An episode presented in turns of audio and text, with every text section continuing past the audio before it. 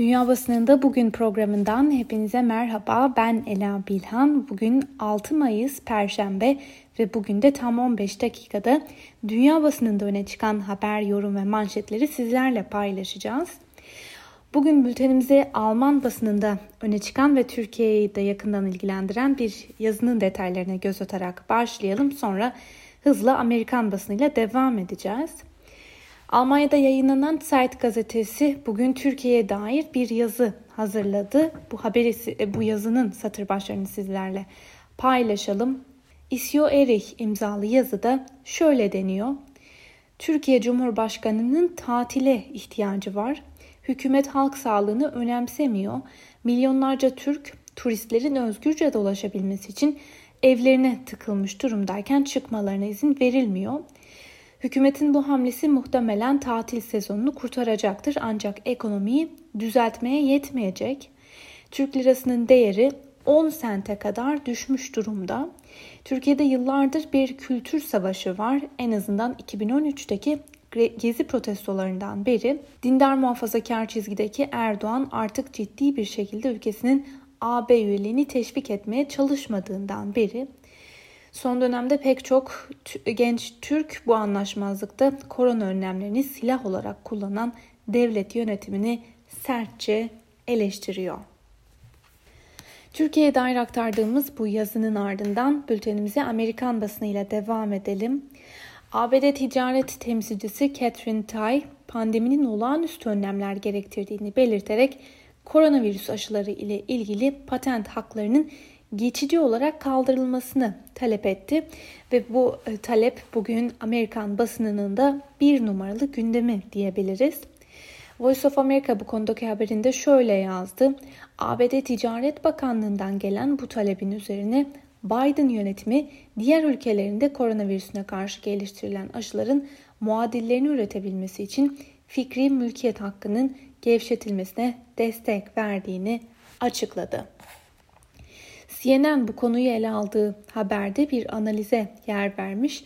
Buna göre Joe Biden küresel sağlık krizi karşısında aşı patentlerine dair bir önergeyi destekleyerek insanlığı desteklemeyi tercih etti. Liderlik için önemli bir andı ancak Biden bu teklifi yurt dışındaki korkunç manzaralar nedeniyle vermedi. Son olarak Hindistan'da ortaya çıkan durum bize şunu gösterdi. Diğer ülkelerdeki durum kontrol altına alınmadığı sürece kendi yurttaşlarınız da güvende olmayacak. Covid-19 tüm dünyada kontrol altına alınmadığı sürece kimse güvende değil. Aynı haberi gündemine taşıyan Washington Post şöyle diyor. Biden aşılandırma sürecinin hızlandırılması için aşı patentlerinden feragat edilmesini destekliyor. Açıklamaların ardından aşı üreten ilaç firmalarının hisse fiyatlarında sert düşüşler kaydedildi. Liberaller ise başkanın kararını Amerika'nın küresel sahnedeki yerini eski haline getirmeye çalışırken hayat kurtarıcı olarak değerlendirdikleri bu öneriyi desteklediklerini söylüyorlar. Ancak ilaç endüstrisi bu tür bir hareketin sınırlı sayıdaki bazı malzemeler için yeni bir rekabeti ateşleyebileceğini söylüyorlar. Bu haber bugün New York Times'ın da en önemli gündemlerinden biri. Biden olağanüstü önlemler almaya hazır. Bununla beraber Joe Biden aşı patentinin askıya alınması fikrini destekliyor. Biden'ın bu yöndeki açıklamaları özellikle de ABD ilaç endüstrisinin öfkesiyle karşılandı. Tartışma yaratan bu girişimin kabul edileceğinin de garantisi yok. Dünya Ticaret Örgütü'nün konuyla ilgili karar alması için bütün üyelerin fikir birliğine varması gerekiyor. Ancak Hindistan ve Güney Amerika'daki virüsün şiddetlenmesiyle Joe Biden uluslararası üretimi desteklemeye yardımcı olmak için artan bir baskı ile karşı karşıya. Voice of America'nın haberine göre Uluslararası Af Örgütü'nün de internet sitesinden açıkladığı Halkın Aşı İttifakı'nın analizine göre G7 ülkelerinde halkın ortalama %70'i devletin aşılarla ilgili teknik bilgilerin paylaşılmasını sağlamasını istiyor. Amerikan basınında öne çıkan bir diğer haberi de sizlerle paylaşalım. Facebook 6 Ocak'ta eski başkanın destekçilerinin ABD Kongresi'ne baskın düzenlemesi sonrası şiddet eylemlerinin tırmanabileceği kaygıları üzerine Trump'ın resmi Facebook ve Instagram hesaplarının erişimini engellemişti. Son olarak gözetim kurulunun Trump'ın Facebook hesabının kapalı kalıp kalmayacağına ilişkin uzun zamandır merakla beklenen kararı gelecekte Facebook'un kurallarını ihlal eden dünya liderlerine karşı nasıl adımlar atacağı konusunda da bir ipucu niteliği taşıyor. Gözetim Kurulu Facebook'un net standartlardan yoksun süresiz bir yasak uyguladığını kaydetti ve firmadan değer, yeni bir değerlendirme talep etti. Kurul ayrıca Facebook'un diğer kullanıcılarına da uygulanan kurallarla tutarlı bir yanıt oluşturması gerektiğini kaydetti. Facebook'a dair bu haber bugün Washington Post'un da gündemindeydi. Gazeteden Eugene Robinson şöyle diyor. Facebook, Trump'ın kalıcı olarak sürgünü hak ettiğine inanıyor. Fakat Trump ve Cumhuriyetçiler Facebook'un yasanın uzatılmasına öfkeliler. Cumhuriyetçi milletvekillerinden en az biri şirketin bu hamlesi için ağır bir öde bedel ödeyeceği tehdidinde bulundu. Buna karşılık Washington Post'tan Molly Roberts ise tam tersine Facebook'un verdiği bu kararla birlikte ifade özgürlüğü gibi güçlü bir mevziyi kaybettiğini yazmış. İngiliz basınında son günlerde yaz tatili gündeme gelmeye başladı diyorduk önceki günlerde de aktardığımız haberlerde. Ve günlerdir aktardığımız gibi İngiliz hükümeti Cuma günü yani yarın da düşük riskli seyahat edilebilecek ülkelerin listesini paylaşacak. Bununla birlikte İngilizlerin büyük bir kısmının bu yaz yurt dışında tatil yapmayı planladıkları da belirtiliyor. Ve bugün ise The Ay gazetesi manşetine taşıdığı haberde yaz tatilinin bedelinin İngiltere'ye pahalıya mal olabileceği konusunda uyarıyor.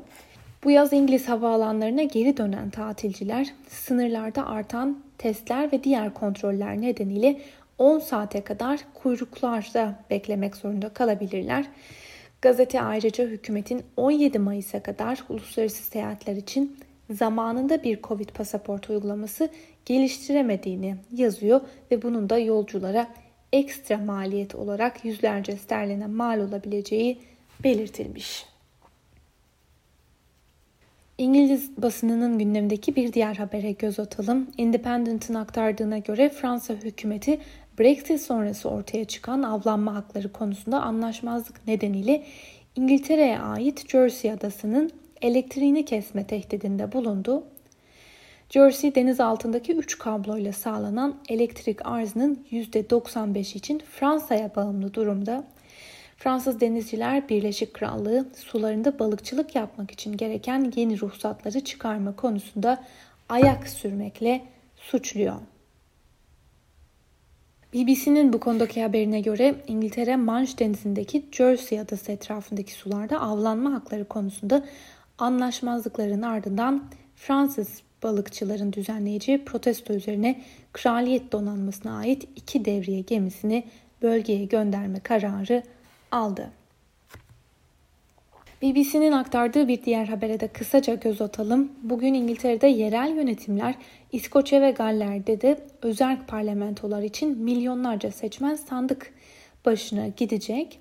Yaklaşık 48 milyon seçmenin oy kullanacağı yerel seçimler 12 Aralık 2019'daki son genel seçim zaferi sonrası Avrupa Birliği'nden ayrılma yani Brexit sürecini tamamlayan ve Covid-19 salgını krizini yönetmek durumunda kalan Boris Johnson liderliğindeki Muhafazakar Parti iktidarının pandemi sonrası ilk sandık sınavı olacak. Ancak seçimler hükümet kadar ana muhalefetteki işçi partisi açısından da önemli. Öte yandan İskoçya'daki seçimlerin sonuçları ise Birleşik Krallığın birliği bakımından hayati önem taşıyor. Alman basınında öne çıkan bir diğer haberle devam edelim. Almanya'da Selefi hareketinin en etkin örgütlerinden biri olan Ansar International adlı dernek ve derneğe bağlı yan kuruluşlar Almanya'da yasaklandı.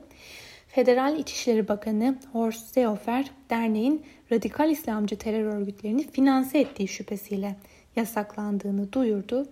Zeofer dernek üyelerinin topladığı bağış paralarının El Nusra ve El Şabab gibi Selefi örgütlere aktarıldığının saptandığını söyledi.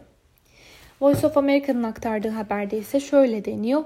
Almanya özellikle Berlin'de 2016 yılında Noel pazarının düzenlenen ve 12 kişinin hayatını kaybettiği terör saldırısını düzenleyen Anis Amri adlı saldırganın Selefi örgütlerle bağlantısının anlaşılmasından sonra Selefi dernek ve oluşumlara yönelik baskıyı arttırmıştı.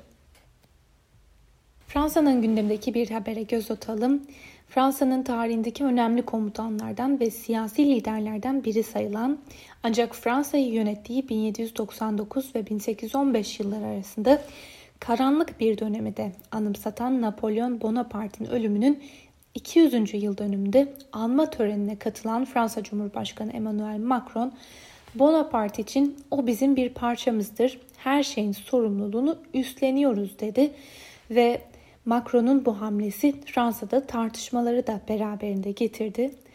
Komutanlık döneminde aldığı kararlar ve köleliği yeniden tesis ettiği adımları nedeniyle bugün tartışmalı bir figür olan Bonaparte'ın anma töreninde Macron'un nasıl bir ton belirleyeceği Fransa medyasında son günlerde tartışılıyordu. İsrail'in gündemiyle devam edelim. İsrail Cumhurbaşkanı Rivlin hükümet kurma görevini dün de söylediğimiz gibi Başbakan Netanyahu'nun en güçlü rakibi Yair Lapid'e verdi. Ancak Merkez Liberal Parti Yeş Atid'in lideri 57 yaşındaki Lapid'in koalisyon kurma görevinde başarılı olup olamayacağı da henüz net değil.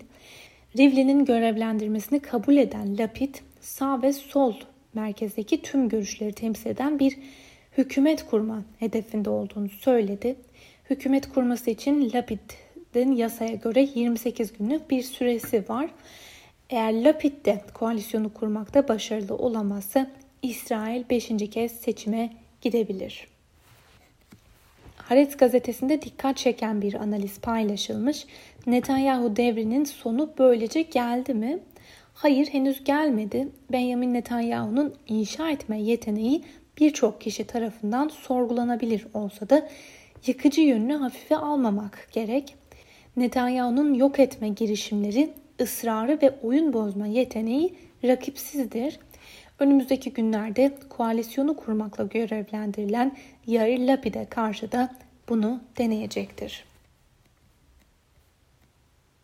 Moscow Times'ın gündemdeki haberlerden birine göre Rusya'nın ürettiği ikinci onaylı koronavirüs aşısı Epivac Corona'nın deneme çalışmalarına katılan insanlarda bağışıklık oluşmadığı açıklandı.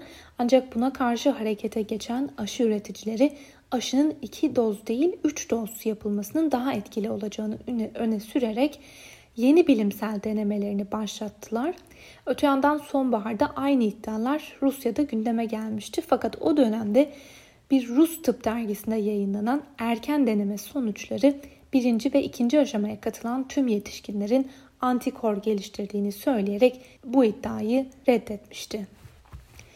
El Cezire'nin aktardığı habere göre ABD'den gelen aşı patentlerinin ortadan kaldırılması ve tüm aşıların insanlığa sunulması teklifi dünya tarihi için önemli bir dönüm noktası. Dünya Sağlık Örgütü'nden yapılan açıklamaya göre Dünya Sağlık Örgütü de bu teklifi destekliyor. Ve bir diğer haberde Hindistan'daki son durum aktarılıyor. Hindistan oksijen tedariği için çabalarken üst üste rekorlar kırmaya devam ediyor. Ülke çapındaki vaka sayıları 21 milyonu aşmışken dün 412 bin yeni vaka tespit edildi. Toplam ölümler ise 230 bini aşmış durumda. Euronews'un haberine göre G7 toplantısı için Londra'da bir araya gelen Dışişleri Bakanları Çin'i insan haklarını ihlal etmekle suçladı. Giderek güçlenen Pekin yönetimiyle bir çalışma ilişkisi kurulmasının gereğini işaret eden bakanlar somut adımlar konusunda ortak bir girişimi harekete geçiremedi. Ve bugün G7 Liderler Zirvesi'ni hedef alan Global Times gazetesinin baş yazısında ise şu ifadelere yer veriliyor.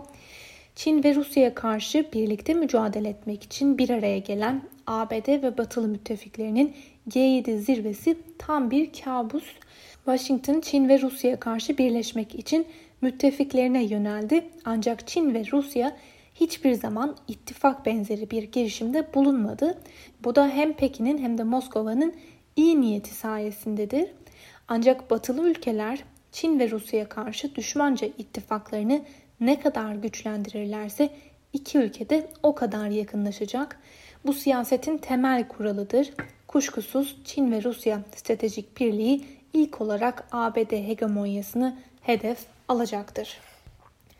Ve son haberimiz Kolombiya'dan. Kolombiya'da 8 gündür devam eden vergi reformu eşitsizliklerle mücadele, yoksulluk ve polis şiddeti karşıtı gösterilerde hayatını kaybedenlerin sayısı 24'e yükselmişken yaralananların sayısı ise 900'ü geçti.